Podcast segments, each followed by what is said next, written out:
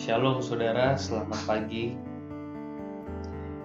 Hari ini firman Tuhan saya mau ambilkan dari 1 Samuel 12 ayat 20, 24, 25.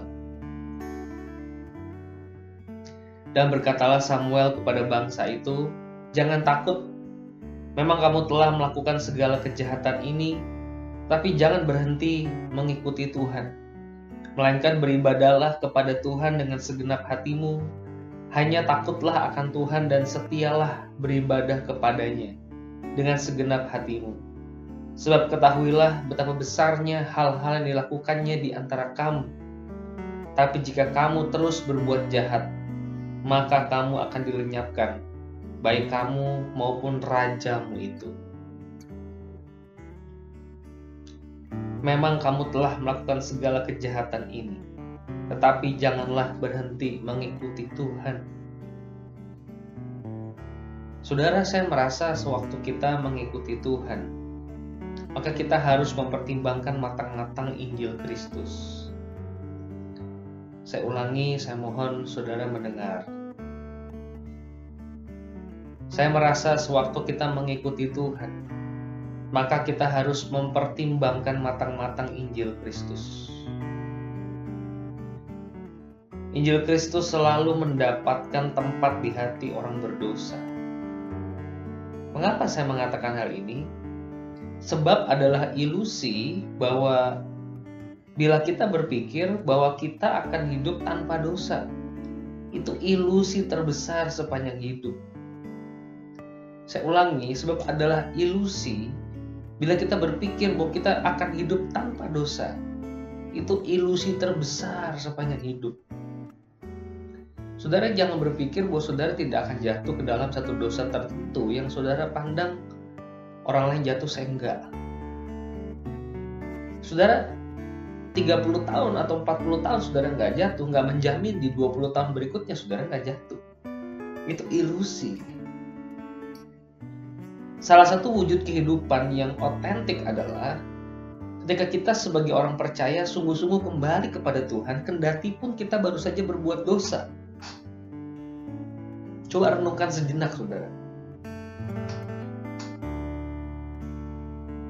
Kita kembali merengkuh pengampunan itu di dalam hati kita.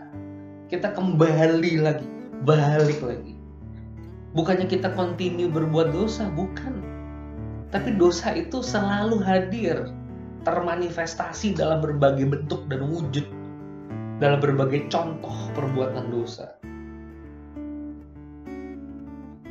Salah satu yang memberatkan kita adalah bahwa ketika kita berbuat dosa, biasanya kita cenderung menjauh dari Tuhan atau menjauhi Tuhan. Kita enggan untuk berdoa, kita rasanya nggak layak, nggak kudus, dan seterusnya.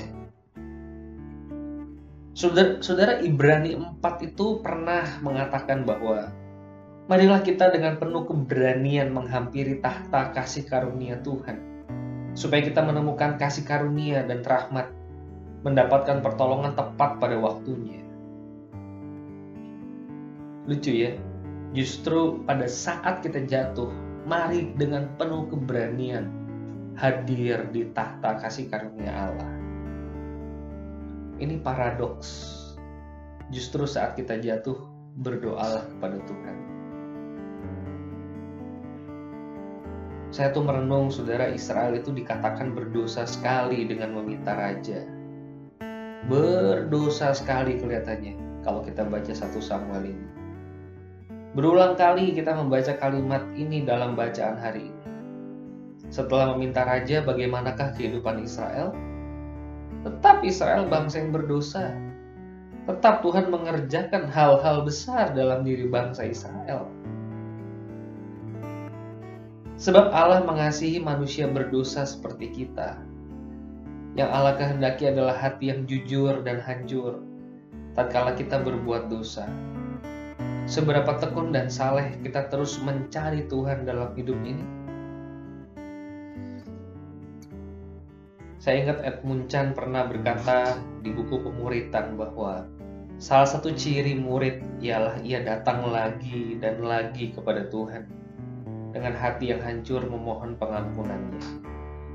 Ia setia terus-menerus di dalam pelayanannya, dalam kehidupan salehnya.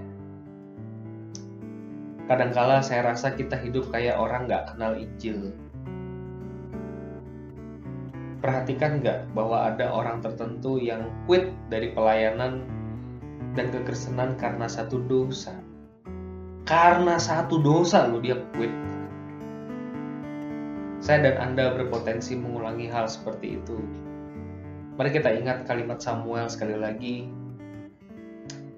Jangan takut, memang kamu telah melakukan segala kejahatan ini. Tapi janganlah berhenti mengikuti Tuhan.